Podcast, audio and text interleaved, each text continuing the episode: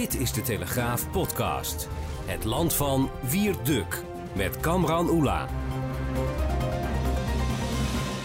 Terug van weg geweest. Ja, ik was er een eh, week niet. Daar is het eh, vorige week ook over gegaan. Maar ben er gewoon nu weer in het land van Wierduk en Wiert. Het is een eh, bijzondere mijlpaal. Dit is aflevering nummer 50. Die we gewoon alweer maken op 24 oktober 2019. We hebben bijna een jaarfeest dus. Bijna een jaarfeest. Nou, we, we zijn eigenlijk al langer dan een jaar bezig. Ja. Maar her en der een vakantietje eh, heeft er natuurlijk voor gezorgd dat we niet alle weken er waren. Maar eh, toch gewoon eh, de 50 gehaald. Juist. Heel Ja. goed. Ja, heel en goed. positieve reacties blijven binnenstromen. Dus dat is alleen maar prima. Ja, nee, dat is, inderdaad, dat is inderdaad waar. En het is, ik moet zeggen, vorige week was ik er dus niet. Ik zei het net ook. Eh, en toen besefte ik ook weer dat, dat er dus echt gewoon goed wordt geluisterd naar wat hier gezegd wordt. Ja, Zelfs zag- door wat de presentatoren zeggen. Ik zag dat jij allemaal eh, reacties kreeg op het feit dat je van de fiets was gevallen en een hoofdwond had. En allerlei mensen die jou beterschap wensten en eh, zich zorgen begonnen te maken over je gezondheid. Ja. Dat is toch alleraardigst. Ja, dat is heel erg aardig. Dus ik dacht, eh, zie je wel, dat Twitter kan ook best aardig zijn. Het hoeft allemaal niet zo negatief te gebeuren. Hè? Ja, en gelukkig ben je weer terug. En hoewel, ik neem aan dat je het op, op, op de selfie de helft van je gezicht even hebt weggelaten. Want Ja. het is toch wel een hele ernstige aanblik. Moet ons voor nog, toch nog een beetje zorgen maken als ik dit zo zie. Zoals een collega al zei, je hebt ook echt een podcasthoofd. Ja, Een soort moderne radiohoofd. Eh, nou, we zijn al lekker aan het eh ginnen, ginnen grappen. Ja. Dat hoort er natuurlijk ook een beetje bij bij een jubileum. Ik had wel taart hier ook verwacht en misschien confetti, eh, maar helaas. Dat doen we niet aan. Marit, de producer, is allemaal vergeten. Ze is er niet eens. Dus ja. Nee. ja, ze, ja, zij, ze vond gewoon op naar de 100. Oh ja. Dus eh, daar heeft ze dan ook wel weer eh, gelijk in. Ehm, een hele hoop eh, wederom eh, deze week eh, te bespreken. We gaan het eh, onder andere hebben over in Nederland een heel eh, eh, aangrijpend verhaal van een echtpaar in eh, Ter Apel. We kennen Ja. Ter Apel natuurlijk allemaal van het asielzoekerscentrum. en eh, nou ja, je zal daar maar wonen en dan ook nog eens slachtoffer worden. Dus dat, dat, eh, dat zometeen. Ehm, het, ja, het, het is eh, oktober. Ik zag jou net al een eh, pepernoot eh Ja, we hebben. Peter pepernoten op de redactie hier. Hè? Pepernotentest. Ja, en ik Maar die is binnenkort overbodig, want het wordt toch allemaal afgeschaft. Dus, hè, we wachten op het moment dat pepernoten worden verboden als eh, symbool van een eh, duister kinderfeest dat eh, in de, tot de krochten van de Nederlandse geschiedenis moet worden verwezen. Ja. Nou, daar gaan we het dus zo meteen ook over, over hebben. Dit Over de hele- demonisering van Zwarte Piet. Hele, mooie teasers. maar we beginnen met een heel ander onderwerp.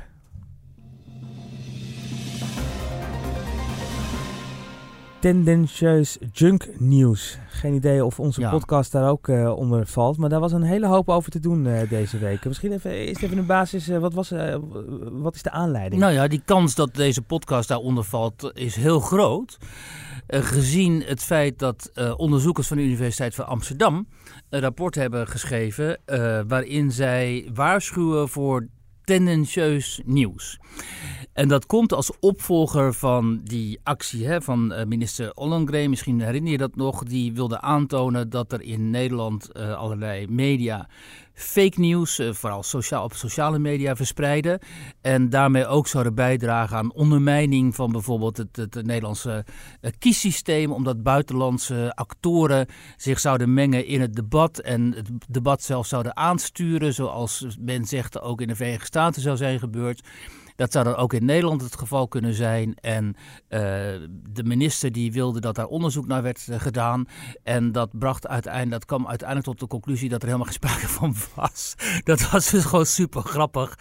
Het is namelijk niet zo. Ehm, en wat het punt is, en dan komen we ook bij die onderzoekers van de UvA, dat is dat sinds eh, social media vooral en sinds er allerlei websites zijn, hè, zoals bijvoorbeeld de Post Online, dat zijn tienjarig bestaan overigens viert, en Geen Stijl en andere, eh, het aantal mogelijkheden voor mensen om kennis te nemen van nieuws en van verhalen uit de samenleving oneindig veel groter is geworden. Dus dat de media die bekend zijn komen te staan als de mainstream media, wat dus eigenlijk de gevestigde media zijn, waar het soms ook wel andere kwaliteitseisen gelden, dat die hun monopolie op het nieuws eh, zijn verloren. En met name de NOS, hè, die dan zo plagerig altijd de staatsomroep wordt genoemd, eh, met name dat monopolie is eh, ondermijnd door journalisten, eh sociaal media, mensen, vloggers, ehm, eh, mensen die voor websites schrijven, die een heel andere beeld geven vaak van het nieuws. die vaak andere invalshoeken kiezen en die vaak ook tot heel andere conclusies komen. Dan kan het maar zo zijn dat op een rechtse nieuwssite bijvoorbeeld ehm, Donald Trump wordt bestempeld als een hele goede president. Ehm, terwijl wij allemaal weten dat de, het 90% van de gevestigde media en de mensen die daar werken, die voor een heel groot deel op linkse partijen stemmen, hebben we het al vaker over gehad hier, die vinden dat helemaal niet. Die vinden Donald Trump een verschrikking. En zodra die dus in aanraking komen met een tekst waarin wordt uitgelegd dat Donald Trump voor de Verenigde Staten en voor zijn electoraat misschien wel eens een hele goede president zou kunnen zijn, denken zij, ja maar dit kan helemaal niet. Dit, is, dit moet fake nieuws zijn. Want... Um, dit bestaat niet in ons universum. Willekeur dus, krijg je dan. Je gaat dan...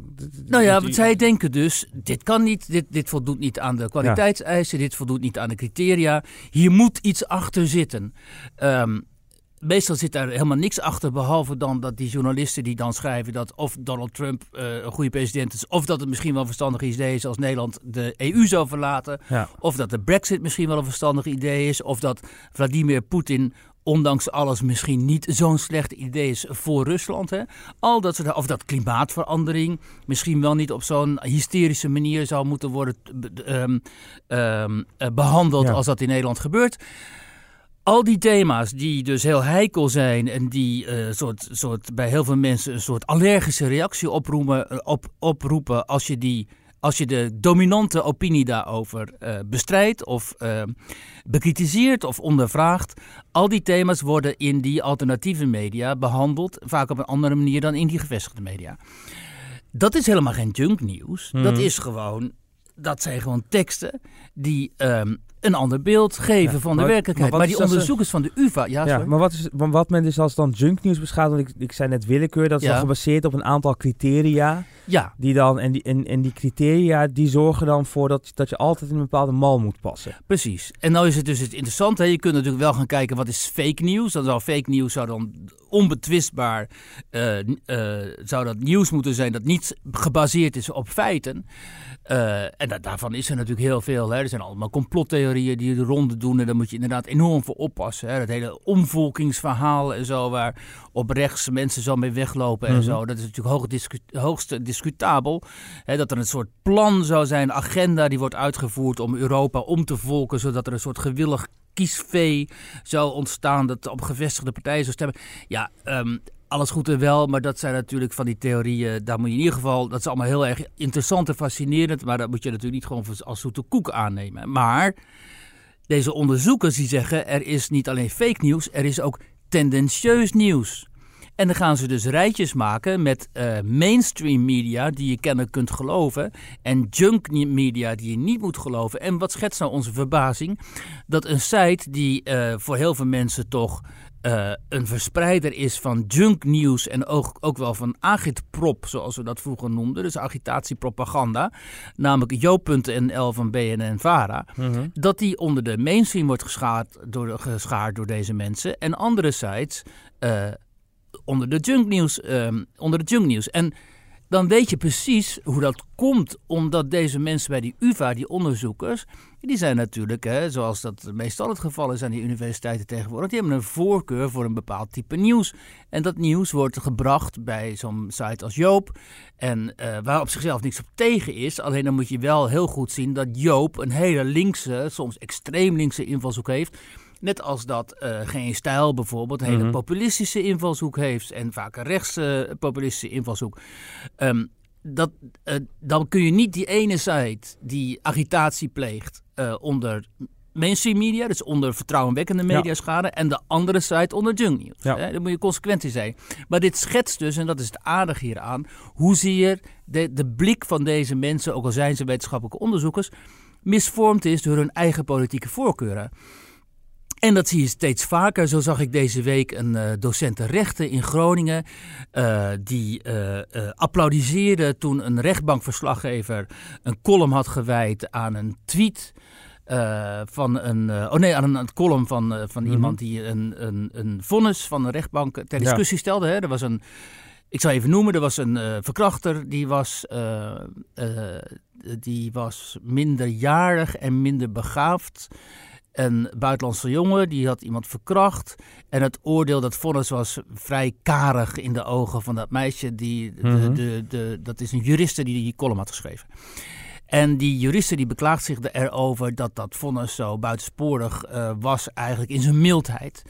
Ehm, en zij behandelde die casus en die rechtbankverslaggever die ging daar overheen. Die zei, hier klopt helemaal niks van wat jij zegt, dat is allemaal fout. Je analyse klopt niet en je deugt eigenlijk ook niet. Daar kwam het op neer. Want eh, als je dit soort columns schrijft, dan deug je per definitie Ja. niet. Als je, het, eh, hè, als je Mhm. de hardere straffen wil voor dit soort gevallen. En toen was er een docent rechten viel mij op uit Groningen. En die zei, oh wat een goede column van die rechtbankverslaggever. Die ga opnemen als lesmateriaal. En dan denk ik, ja, dat, dat haal je de koekoek. Want die, die vrouw die heeft gewoon dezelfde politieke voorkeuren als die, als die, die rechtbankverslaggever natuurlijk. Dus die ziet haar wereldbeeld bevestigd daarin. Mhm. Eh, maar om dat dan op te nemen in je lesmateriaal, dat gaat natuurlijk veel te ver. Hè? En, ehm, maar goed, mij verbaast helemaal niks meer. Ik heb een dochter die studeert en ik zie wat, eh, wat die onder ogen krijgen en zo. En dan, hè, dan kun je gewoon niet ontkennen dat het heel Maar- veel in het onderwijs gewoon Ja. heel erg gebiased is. Maar uiteindelijk, hè, dus ook als we we beginnen met die nieuws, eh met de junk nieuws, hè, dat dat Ja. ten, tendentieuze junk nieuws, eh, dat je zo als een soort, bijna een soort keurmerk eh, dan, dan daarvan zou krijgen. Eh, het is natuurlijk een thema waar we het heel vaak over hebben. Die, eh, die diversiteit aan meningen, die wordt, eh, die wordt juist door mensen die zo voor diversiteit pleiten eh, niet gewenst. En Ja, dat is weer, dat- dit is weer een schoolvoorbeeld daarvan. Precies, dat hebben we hier vaak gezegd. hè. Diversiteit aan huidskleur en aan achtergrond en etnische achtergrond en de gender. Hè. Mhm. Dat wordt altijd erg gepromoot, maar diversiteit aan meningen dus helemaal niet. Want, dat, en dat is natuurlijk echt een heel erg groot probleem. Los van het probleem dat de overheid zich gewoon niet met het nieuws moet bemoeien. Wij zijn Exact, als journalisten echt vakkundig genoeg en Ja. professioneel genoeg, ook ik dames en heren, om te weten wat, eh wat junknieuws en fake nieuws Ja. is en waar je voor moet oppassen. En eh, mijn ervaring is het juist dat we altijd enorm oppassen om geen fake nieuws te verspreiden. Omdat je ook je ervan bewust bent. Van je, A, van je verantwoordelijkheid. En B, van het feit dat wanneer je leugens verspreidt. Of eh, je bronnen niet gecheckt hebt. Of Ja. je feiten niet gecontroleerd. Ja, dan ben je gewoon de pisang, zoals het heet. Dan ben je echt, sta je echt niet alleen voor schut. Maar je professionaal, professionaliteit... eh, en je integriteit eh, stel je dan zelf eh, ter discussie. Dus, en de meeste collega's denken, het maakt niet uit voor welk medium ze werken, die denken daar natuurlijk zo over en handelen hiernaar. Mag je hopen, maar het is wel mijn ervaring dat de meesten dat ook gewoon doen. Ja. Dus dat die overheid dan nog eens een keer voor ons zou willen bepalen hoe wij ons vak zouden moeten uitoefenen en wat al dan niet gepermitteerd nieuws is. Ja, eh, ik kan me er enorm over opwinden, want daar zijn ze gewoon niet eh, professioneel. Dat, dat is niet hun terrein en ze hebben geen idee. Nee, want voor de helderheid ook. Hè, we zouden dit onderwerp helemaal niet zo uitgebreid bespreken, denk ik, als, als hier niet de rol van de overheid was geweest. Het, de, de reden dat, dat we er allemaal zo eh Ja, precies. Omdat de overheid zich steeds meer hierin mengt. En omdat mensen ook daadwerkelijk met de restricties te maken krijgen. Doordat Facebook en, en Twitter en zo en dat soort media steeds vaker hen, ongewelge, hen onwelgevallige meningen censureren. Eh, ofwel eh, accounts sluiten. hè, ofwel van overheden, van overheidswegen wordt opgedragen om bepaalde meningen niet langer toe te laten. Ja. En dat is, bedreigt gewoon de vrijheid van meningsuiting en de vrijheid van pers. Nou, een onderwerp waar we het eh, ongetwijfeld, hè, zoals met veel van dit soort onderwerpen, moet ik heel vaak toch vaak afsluiten met de conclusie. Hier gaan we het binnenkort nog Dat- wel een keer over hebben. Dat vrees ik ook. Ja, het is donderdag en dat betekent in de Telegraaf natuurlijk eh, de vaste rubriek in Nederland. eh, en ook op de site van, eh, van de Telegraaf. en dus bespreken we het ook altijd in, in de podcast. Eh ja, bent dit keer naar Ter Apel afgereisd. Ja, in Ter Apel werd eh, in mei vorig jaar had er een incident plaats. Ehm, een, een overigens illegale asielzoeker, althans iemand uit een veilig land, uit Algerije, die in het AZC daar was ondergebracht. Die pleegde een diefstal en die ging er vandoor. En eh, dat zag eh, Wim Vroom, zo heet die meneer, en zijn mevrouw Willeke. Die zagen dat, die hoorden dat en die renden de straat op. Het was bij hun voor de deur en die gingen achter die, eh, die vreemdeling aan met een aantal andere mensen. En die wisten hem ook klem te lopen, zeg maar. Ehm, Burgerplicht zoals Ja. je dat eigenlijk zou willen. een klassiek burgerarrest waarvan je denkt van nou, petje af hè, die Ja. moet het maar durven. Maar wat gebeurt er? Die jongen die trekt opeens een Stanley mes en die haalt uit en eh, die, eh, die brengt dus ehm, die raakt die Wim Vroon op zijn elleboog, achter op zijn elleboog, hele nare wond om te zien. Helemaal zo naar beneden over zijn onderwerp, onderarm. En um, er volgt een slagadelijke bloeding. Dus uh, die Wim die begint enorm te bloeden. Ja. Uh, kantje boord, zegt zijn vrouw, want die zag het bloed recht uitspuiten. Ja, die heeft echt over drie liter bloed verloren. Drie liter bloed verloren. Ja. En hè, dankzij een riem van een buurman die aan snellen, hebben ze die arm kunnen afbinden. En uh, is hij niet helemaal onderuit gegaan en zo. Um, en dan denk je, nou, hè, die man is opgepakt uiteindelijk, die asielzoeker. Um, petje af, lintje van de overheid, klaar is Kees, schadevergoeding, goed zo. Maar wat volgt er dan? Een soort nachtmerrie voor die mensen. Want um, er volgt een uh, proces. Um, ze moeten een advocaat zoeken. Ze hebben natuurlijk geen idee. Ze hebben geen rechtsbijstandsverzekering. Want ja, Inter Apel, uh, die gaat er niet van uit dat je daar nou snel uh, iets mm. rechtsbijstand nodig zal hebben. Maar goed, uh, ze moeten een advocaat vinden. Ze hebben geen idee hoe. Uh, het is niet zo mak makkelijk, blijkt nu ook, om slachtofferadvocaten te vinden. Dus advocaten, dat is toch een specialisme om advocaten te vinden die slachtoffers bijstaat. Uh, toen heeft uiteindelijk de burgemeester en destijds de regiomanager van het COA, Henk Woltoff, die hebben zich daarvoor ingezet. Die hebben dan samen nog een advocaat uiteindelijk voor hun gevonden. En dan begint zo'n proces. En tot hun verbijstering zit daar dan de advocaat van Connie Breukenhoven. Hm. Niet dat dat nou de beste advocaat van Nederland is. Uh, maar het is toch een bekende advocaat die je af en toe op tv ziet bij uh, RTL Boulevard en zo. Dus die mensen denken, tegen wie nemen wij het hier eigenlijk op? Nou, in hun ogen was die advocaat van de tegenpartij dus ook heel erg goed. Uh, zij vragen zich af, hoe, hoe komt zo iemand, zo'n Algerijnse crimineel, hoe komt hij überhaupt als topadvocaat. topadvocaat? Nu schijnt er niet topadvocaat te zijn. Maar dat is het gevoel, hè? Ja, het gevoel wat zij hebben. Um, vervolgens worden zij in die rechtbank, wordt tegen hen gezegd, ja, maar hey, um, jullie waren ook heel bedreigend, want je hebt hem geslagen, wat niet, zo, wat niet zo was. Of ja, jullie voeren hetze in het dorp tegen asielzoekers, wat niet zo is. Want ze nemen af en toe gewoon een asielzoeker op in huis en drinken ze een kopje hmm. koffie en zo. Maar die andere kant, die probeert hij natuurlijk in het hoekje te drukken van de racistische bewoners van een Oost-Gronings dorp. Hè, uh, die natuurlijk sowieso wel uh, um, een probleem zullen hebben met die asielzoekers. Ja. Wat helemaal niet zo is. Dus dat is een hele nare ervaring. Vervolgens um, uh, krijgt de jongen tien maanden cel. Oké, nou je had al een tijdje gezeten, dus na een poosje was hij alweer vrij. Zou hij in vreemdelingenbewaring worden genomen. Krijgen ze een paar maanden later een brief, of nou ja, ik, nee, kort daarna, kort na zijn zeg maar, vrijlating, krijgen ze een brief van ja, die dader is spoorloos. Uh, maar die schadevergoeding, maak je er maar geen zorgen over, die krijg je wel, maar we hebben geen idee waar die gozer is. Dus zij hebben iets, waar is die man dan? Ja. Ja, weten ze niet. Dus ze, zij bellen met OM, van kastje naar de muur gestuurd en zo. Niemand heeft een idee waar die jongen is gebleven. Hè? Die was dus in, had dus in vreemdelingenbewaring moeten worden gezet. Maar hij was er tussenuit geknepen. Wordt hij later bij een nieuw delict in Luxemburg opgepakt. Wordt hij teruggebracht naar Rotterdam. Blijkt hij uiteindelijk, uh, horen zij dan veel later, toch te zijn uitgezet vanuit Rotterdam. Uh, ze krijgen ook wel een excuus van Mark Harbers, die was toen nog staatssecretaris, van ja, dit had zo niet moeten gaan en mm. zo. Er schijnt een vormfout aan de grondslag te hebben gelegen. Maar dit past in een context, namelijk de context dat in die gemeente Ter Apel, hè, als je er bent, zie je het ook. Heel veel asielzoekers, Arabieren, uh, Afrikanen met hun kinderen en zo. Waarvan het overgrote deel natuurlijk helemaal niet crimineel is, maar een klein deel daarvan, dat zegt ook die Henk Woltoff van het COA zelf, uit veilige landen notabene, ja. Noord-Afrikanen hebben we het dan over, hè, de Marokkanen, Algerijnen, noem maar op. Die plegen daar onevenredig aantal uh, delicten. Hm. Die breken in, ze plegen winkeldiefstallen. Die, die meneer Vroom, uh, met wie ik sprak, die zei laatst zag hij nog hè, aan de overkant van het kanaal, want ze wonen daar aan het kanaal, dat daar asielzoekers uh, aan het inbreken waren. in een auto. -hmm. en, en hij schijnt zijn recht met zijn zaklamp zo in het gezicht. Hè. Het was s'avonds. Maar die inbrekers die uh, malen daar niet om. Die nee. dachten, er zit toch een, een, stuk water tussen, dus we gaan lekker door met inbreken. En die politie die komt toch niet of te laat, of er is te weinig politie en zo. Dus die mensen zijn helemaal ontmoedigd. Die zeggen ook, weet je af en toe denken we, we, we, we willen hier weg, want er is gewoon geen recht. He, we willen rechtvaardigheid en we krijgen nu wel die 6000 euro schadevergoeding en zo. Maar dat staat in geen verhouding tot het feit dat uh, uh, Wim Vroom permanent letsel heeft opgelopen. Zijn, zijn pink staat helemaal scheef. Ze hebben een trauma aan die ervaring overgehouden. Uh, en ze voelen zich gewoon kil behandeld. En Nou. als ik dat, dat hele verhaal zo hoor, en ik heb het ook gecheckt bij hun advocaat en bij het COA en noem maar op en zo, die zich ook schamen, dan denk ik, ja, maar zo ga je niet met je burgers om. Mhm. Als je het draagvlak wilt verliezen voor de opvang van asielzoekers en, en vluchtelingen, dan moet je niet zo met je burgers omgaan. Hè? En, dan, en ook in die gemeenschap zelf, van waar een heel groot deel van de mensen afhankelijk is van het AZC daar. Is een groot AZC, Ja. veel bewoners, eh, inwoners die werken daar, ook die hebben familieleden die daar werken.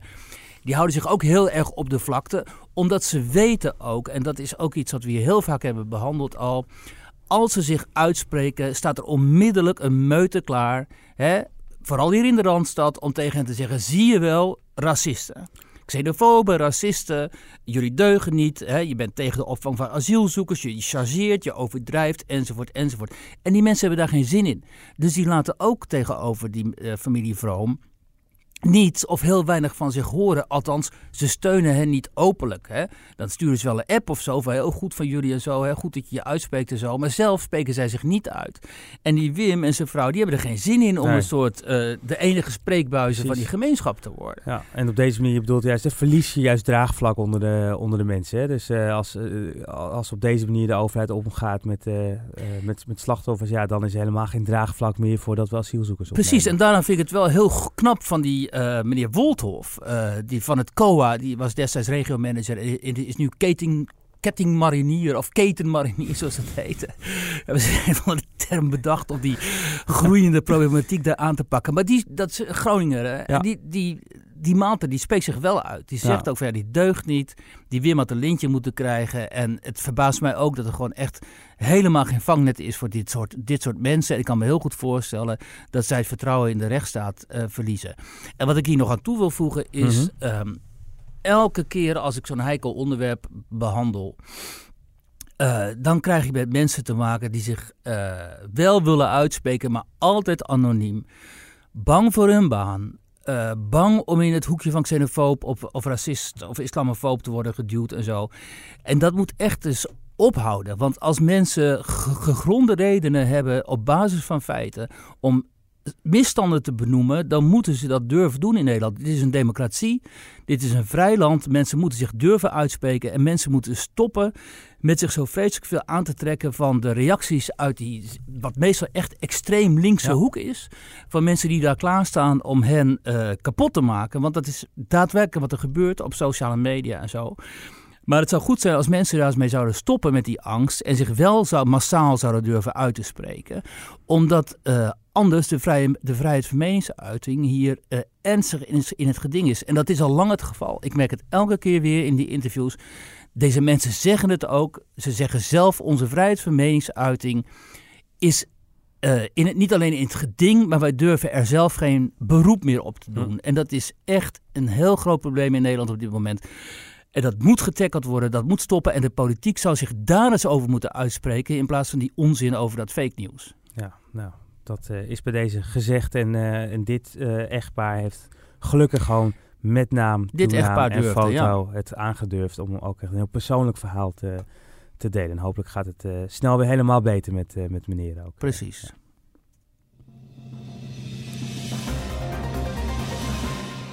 Ja, Weert, vol verwachting klopt ons hart. Het is eh, eind oktober. Dat betekent dat over drie weken Sinterklaas alweer eh aankomt. dit jaar met de trein. Ja. de eerste pakjesboot waarschijnlijk. En dan ergens overstappen. En dan uiteindelijk in Apeldoorn aankomen met, met de trein. Eh, natuurlijk- Kinderen die vragen hoeveel nachten nog. Eh, Precies, het, eh, het, gaat weer, het gaat weer beginnen. Maar dat Ja. betekent ook weer dat het hele debat weer, weer begint. Voor zover daar nog sprake van is. Want daarom wilde ik dit, dit thema behandelen. Ja. Het lijkt er steeds meer op dat de, het pleit al beslecht is in het voordeel van de anti-Zwarte Pieten.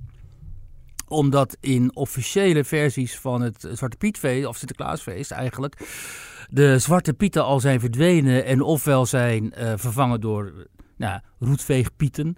Of dat dat hele feest eigenlijk niet meer eh, eh, aan de orde komt. Dat zie je in, hè, dat hadden we laatst het verhaal, in speelgoed, in Mhm. brochures van speelgoedwinkels en zo. Er wordt helemaal niet meer gerefereerd aan, het, aan dit Mhm. feest. Eh, en laatst zag ik een of andere eh, zorginstelling of een zorgketen die zich ook aansloot bij eh, het roetveeg, roetveeg adagium, zeg maar. Omdat ze vonden dat ze zich moesten aansluiten bij de officiële politiek van de NPO. De NPO heeft dit jaar ook, dat meen ik voor het eerst althans, ze hebben geen uh, Zwarte Pieten meer in hun uh, programma. Uh, ja, dus dat pleit is al beslecht. En dat blijft toch een hele merkwaardige en wrange situatie, omdat dit omdat er maar een hele kleine groep mensen in Nederland is die bezwaar heeft tegen die, het bestaan van die Zwarte Piet.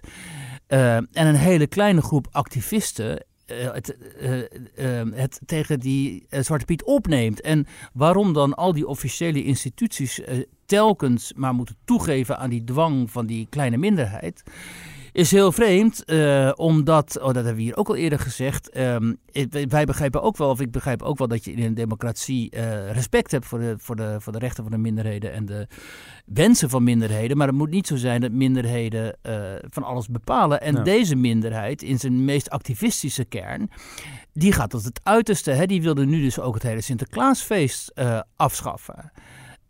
ja, dan weet je, dat houdt dus niet op. En we weten ook dat het niet ophoudt bij dit feest. Het gaat dus ook veel verder. Het gaat om het herschrijven van een deel van onze geschiedenis. Het gaat om het herbenoemen van namen van straten en hè, eventueel het neerhalen van monumenten. Nou ja, dan zijn we dus in een soort. Uiteindelijk komen we in een soort extreem extremistische beeldenstorm terecht. En de, de, de, gewoon de verstandige mensen, die moeten toch uh, gewoon blijven opstaan en, moeten ze, en zeggen van jongens, aan deze onzin, we doen er gewoon niet aan mee. En durf dat nou toch eens gewoon te zeggen. Jongens, we gaan hier gewoon niet aan meedoen. Mm. Doei, bedankt voor de zorgen, maar tot hier en niet verder. Maar het is natuurlijk een hele kleine hè, activistische groep geweest die jaren geleden mee begonnen is. Nou, ja. langzamerhand uh, zien daar wat, uh, wat veranderingen in de afgelopen jaren. Nou, nu zouden we uiteindelijk ook, hè, of wij het met elkaar eens zijn of, uh, of onze luisteraars het mee eens zijn. Maar we zouden kunnen zeggen, de conclusie is oké, okay, we gaan uiteindelijk naar roetveeg Pieten, want er is ook een meerderheid in het land die het, die het allemaal niet boeit, uh, ja. die het prima vindt. Dus laten we dan maar uh, ervoor kiezen voor wat, wat dan die kleine activistische groep wil. Maar daar gaat het niet om. Hè. Het, gaat, nee. het gaat hier echt om dat ze... Ehm, het, slag 1 is gewonnen, slag 2 is gewonnen, maar als we alleen naar Sinterklaas kijken, dan hoeven we nog niet eens naar die geschiedenis te kijken. Ja. Dan gaat men nog veel verder. Want je zou verwachten dat de vlag uitgaat. Dus zij moeten, zouden toch nu tevreden moeten zijn? Nee, ja, het is nooit genoeg. En uh, hè, nu hadden ze alweer een soort van dreigbrieven gestuurd naar ondernemers in Den Haag die nog wel kennelijk aan, aan het feest meedoen, of ja. Zwarte Piet uh, aan, daaraan meedoen. En die moesten rekening houden met extra aandacht vanuit deze groep. Nou, dan weet ik alweer hoe laat het is. Ja. Dus het is ook zo merkwaardig dat niet wordt onderkend dat hier vanuit deze groep enorm veel agressiviteit mm -hmm. uitgaat en intimidatie. Het is gewoon een intimiderende actiegroep. En om daar telkens maar aan toe te geven is in mijn ogen volstrekt onbegrijpelijk. Ja. Maar ja, eh, dit is een land waar ook krakers bepalen waar ze wonen. En waar krakers zelfs huiseigenaren hun huis uit kunnen zetten. En zo, althans in Amsterdam. Dus uh, de, de gekte verbaast me niet. Maar um, ik zou zeggen, uh, mensen, wat ik al eerder zei, mensen met gezond verstand, die zouden toch eens een keer uh, hun rug recht moeten houden. Um, omdat ze inderdaad, wat jij zegt, ze weten van je geeft een vinger en uiteindelijk uh, verdwijnt je de helft van je geschiedenis uh, in een zwart gat. Ja, want dat is de... Wow, de, dat is wel een goede beeldspraak. Ja, nou ja, zwart gat mag niet, hè. Dat, uh, Precies, in, ja. een, in, een, in, een, in een diep gat, gat, van kleur. Ja, in een gat van kleur, ja. Uh, of in een schoorsteen, ja. ja. Maar want, want dat, dat is precies, hè. je zegt je, je geeft ze een, een vinger en, en het is, het is meer dan een hand, hè. het is alles. Maar het, wat is het eindspel? Wat is nou uiteindelijk, waar wil, wil men naartoe? Want het is wat jij zegt, het lijkt er bijna op van ja, heel Sinterklaas kan niet meer, want het, uh, Sinterklaas zit op Ja. een paard, dat zal ook wel weer niet mogen. Nou heel veel mensen realiseren zich niet dat dit een probleem is. Dat dus niet alleen maar op, op dit heel kleine, hè, dit kleine uh, thema van Zwarte Piet speelt, maar tot in uh, de manier waarop wij naar ons verleden kijken, ook de manier waarop wij onze teksten schrijven. Op de universiteiten hebben ook activisten in de geesteswetenschap het voor een deel overgenomen. Waardoor je bepaalde woorden niet meer mag gebruiken. Want die zouden dan beledigend zijn. En, um, dus dat, dat, wat je ziet is in, dat in die cultuuroorlog, zoals ik dat steeds noem. Steeds meer beperkingen en restricties worden gelegd voor zeg maar een, een pluralistisch wereldbeeld. Bepaalde wereldbeelden worden taboe verklaard. bepaalde blik op de geschiedenis en een blik op de, op de samenleving, die worden verdacht gemaakt. En uiteindelijk haal je maar één soort van extremistische tunnelvisie over. Mhm. En als die niet alleen in het, act, act- in het actiewezen, maar ook in de media en in de universiteiten en deels in de politiek en in het bestuur en zo meester gaat nemen, bezit gaat nemen van mensen en dominant gaat worden, ja, dan krijg je natuurlijk een hele nare, hele beperkte in zijn denken ehm, eh, samenleving houd je dan over. En zover is het gelukkig nog lang niet. Maar als je ziet hoeveel officiële instituties en bestuurders en zo onmiddellijk op hun rug gaan liggen als er eens een keer een beetje druk op hen wordt uitgeoefend. Ja. Ja, dat baart wel zorg. Dit is niet het land van de sterke ruggengraten, moet ik zeggen hoor. Nou, dat is, eh, dat is een heldere, heldere taal. En we gaan de komende weken zien hoe dit, eh, hoe dit verder gaat lopen met eh, alle Pieten en, en de Sint die op weg is, zijn weer naar, naar Nederland. Right. Nou, dit waren de onderwerpen die we geteased hadden van tevoren alweer, waar we het over gingen, gingen hebben. Ik had natuurlijk ook even op Twitter gevraagd of er nog Ja. vragen waren. Nou, die waren allemaal, nou ja, die gingen al over de onderwerpen die we besproken hebben. Oh, en de twee andere vragen die hadden meer met de foto te maken. Men vroeg zich af... waar de helft van je hoofd was. Nee, ja, nee.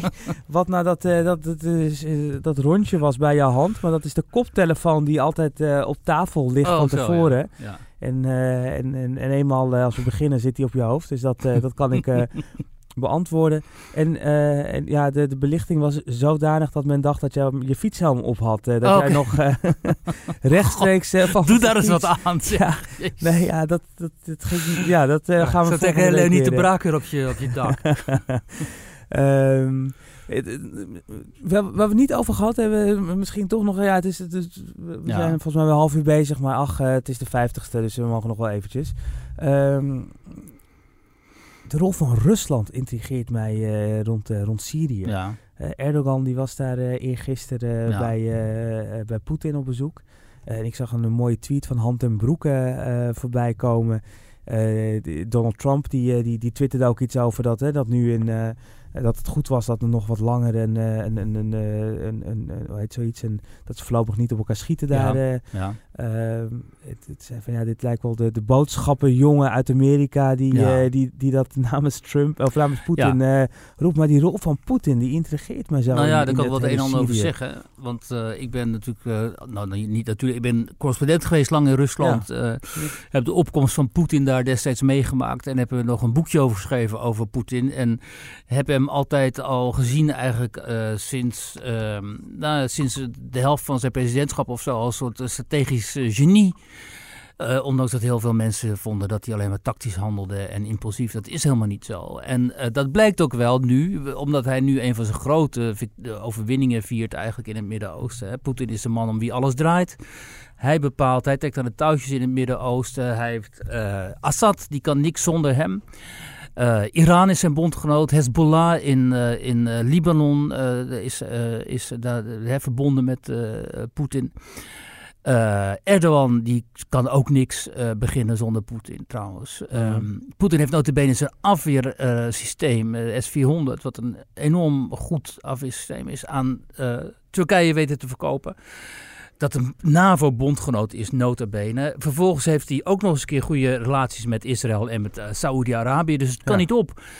Hij is de, de hoofdrolspeler daar in die regio. En wie had dat een aantal jaren geleden gedacht toen Rusland nog werd bestempeld als slechts een regionale grootmacht die verder in de wereld, dus het geweld tussen eh, Amerika, de Verenigde Staten en China en eventueel India en Europa ook nog helemaal geen eh, beslissende rol zou kunnen spelen. Nou, dat is dus anders. En je had het eigenlijk al lang zien aankomen omdat die Russische diplomatie, en met die minister Lavrov ook van Buitenlandse Zaken, die hebben een hele lange traditie. Die is voor een groot deel echt briljant, ook omdat ze eh, het vermijden om van die eh, ehm, hoekstenen zoals het Westen dat dan doet, hè, bijvoorbeeld mensenrechten en zo, in hun buitenlandse politiek op te nemen, want daar hebben ze gewoon niks mee. Ze gaan gewoon uit van realpolitiek.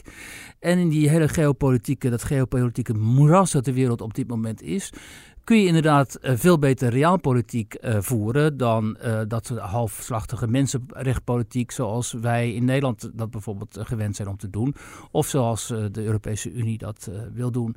Dus ehm, Poetin heeft optimaal geprofiteerd van de chaos in de wereld ja. en van de, de bedenkingen in de Verenigde Staten tegen verder ingrijpen in het Midden-Oosten, omdat die, al die bodypacks, daar zitten ze helemaal niet op te wachten daar. Um, hij heeft tevens het, um, het uh, gevaar van radicalisme in zijn eigen regio of zijn eigen land, hè, de Tsjetsjenen bijvoorbeeld. Dat heeft hij opgelost, want uh, dat, uh, fun dat fundamentalistische, dat islamisme dat zich in de Caucasus op een gegeven moment openbaarde en vooral in Tsjetsjenië, dat heeft hij eerst neergeslagen. Vervolgens zijn heel veel Tsjetsjenen, Tsjetsjense strijders, die zijn naar Syrië uitgeweken, hebben zich bij IS aangesloten. Nou, dat hebben ze ook voor een groot deel weten te vernietigen. Dus hij slaat allerlei slagen daar. En uh, ja, en het knappe is ook nog eens een keer dat hij dat heeft weten te doen eigenlijk, zonder dat hij een reputatie heeft gekregen als Assad die heeft, of als Erdogan, wat die toch worden wel worden gezien hè, als ofwel een uh, bloeddorstige dictator of als een uh, volstrekt uh, ontoegankelijke autoritaire leider zoals Erdogan. Poetin die heeft notabene zelfs in het Westen bij rechtse, in rechtse kringen heel veel ehm, goodwill in Nederland moeten we even onderscheid maken, omdat Nederland met MH17 een eigen traditie, of eigen traditie, ach, sorry, eigen tragedie heeft moeten verwerken, waardoor Poetin hier in heel slecht daglicht is komen te staan. Maar in andere landen, Duitsland, Frankrijk en uh, ook de zuidelijke landen en zo, heeft Poetin bij heel veel mensen een uh, hele goede reputatie eigenlijk. En dat is natuurlijk heel bedreigend voor uh, onze westerse democratieën, omdat in onze ogen leidt hij een autocratisch land wat maar een soort van uh, semi-democratie is. En heel veel mensen, ook hier, geloven nog altijd in een soort koude oorlogsdenken waarin Rusland een directe bedreiging voor ons zou vormen, waar ik helemaal niet in geloof. Maar heel veel mensen geloven dat nog steeds. Ja, en als hij dan zeg maar op een rode loper daar in het Midden-Oosten naar de macht uh, wordt gebracht door Donald Trump, dan leidt dat natuurlijk tot heel veel uh, uh, onzekerheid en uh, verbazing ook wel. Maar in mijn ogen, maar goed, dan moet je een beetje in het dossier zitten, een beetje kennis hebben van zaken van Rusland en zo, en Russische machtsverhoudingen. Mij verbaast het eerlijk gezegd niks um, dat dit zo is kunnen, zich zo heeft kunnen ontwikkelen omdat die Russen die aan de top, dat zijn gewoon hele sluwe en intelligente mensen, die weten precies wat ze aan het doen zijn. Ja, want we hebben hier natuurlijk hè, rond uh, vijf jaar geleden rond MH17 veel over Rusland gehad. En ja. vervolgens met de Amerikaanse verkiezingen kwam natuurlijk met het al het hacken en, en, de, en de rol daarvan dingen naar voren. Vorig jaar met die Groe, die gasten die ook, of twee jaar ja. geleden inmiddels, in Den Haag ook aan het bezig waren om, om allerlei dingen te, te hacken bij de OPCW onder andere. Maar ondertussen is in die regio, dus inderdaad, uh, Poetin gewoon eigenlijk zonder dat we er hier heel erg veel de focus op hebben liggen. Uh, nou, steeds steviger in de regio gaan Nou ja, kijk, en je moet, kijk, um, ik denk, maar dat vind ik al vanaf het begin dat Rusland daar ingreep. Ik vond het heel goed dat Rusland daar ingreep mm. in Syrië, omdat Syrië dreigde ten onder te gaan. Islamistische rebellengroepen dreigden de macht, de macht te grijpen. we hebben heel lang ontkend dat ook Nederland dat soort radicale, echt hypergewelddadige en islamistische groepen heeft gesteund. Uh, van die Assad kun je voor alles zeggen en het is een, uh, inderdaad een bloeddorstige dictator, maar het is niet zo dat onder zijn bewind iedereen nou daar permanent uh, levensgevaar, hm. in levensgevaar was. Um, dus op een gegeven moment moet je kiezen tussen twee kwaden. En uh, dat Poetin ingreep en daar de macht van Assad stabiliseerde, uh, denk ik, was op dat moment alleen maar wenselijk. Omdat anders Damascus misschien wel in handen was gekomen van de Islamitische Staat, van Al-Qaeda. Nou, dan had je pas een veiligheidsprobleem gehad. Het is vloeken in de kerk als je dit zegt, want iedereen beschouwt Assad en Poetin zo ongeveer als de, de, de grootste duivels uh, sinds Hitler.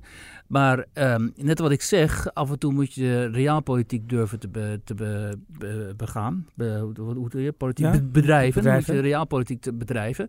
En de Europese Unie en Nederland, ja, die weigeren dat eigenlijk stelselmatig. Hè. Die staan meestal met vingertjes te wapperen en zo. Maar ja, je ziet wat het gevolg is nu. Als je heel veel met vingertjes wap, wappert, dan sta je aan de zijlijn. Ja. En uh, dan doe je dus niet meer mee. En dan kun je toch beter ervoor zorgen dat je wat hardere politiek bedrijft en invloed weet af te dwingen.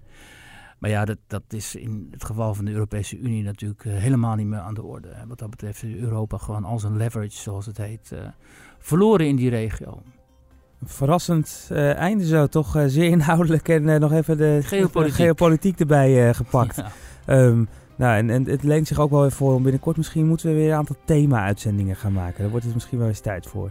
Ja, dat dan, zou inderdaad eh, Rusland als thema thema. in het verleden Ja. natuurlijk China wel eens gedaan. ja. Eh, misschien Ja. zo richting het einde jaar een aantal thema's. En dan moeten we ook onderwerpen, dan sneuvelen er ook onderwerpen, maar Ja. misschien is het wel weer tijd eh, ervoor. Kunnen we een Rusland-expert hier naartoe halen, inderdaad. Ja, nou, kijk. Het, bent u Rusland-expert of wilt u het worden? Laat het dan...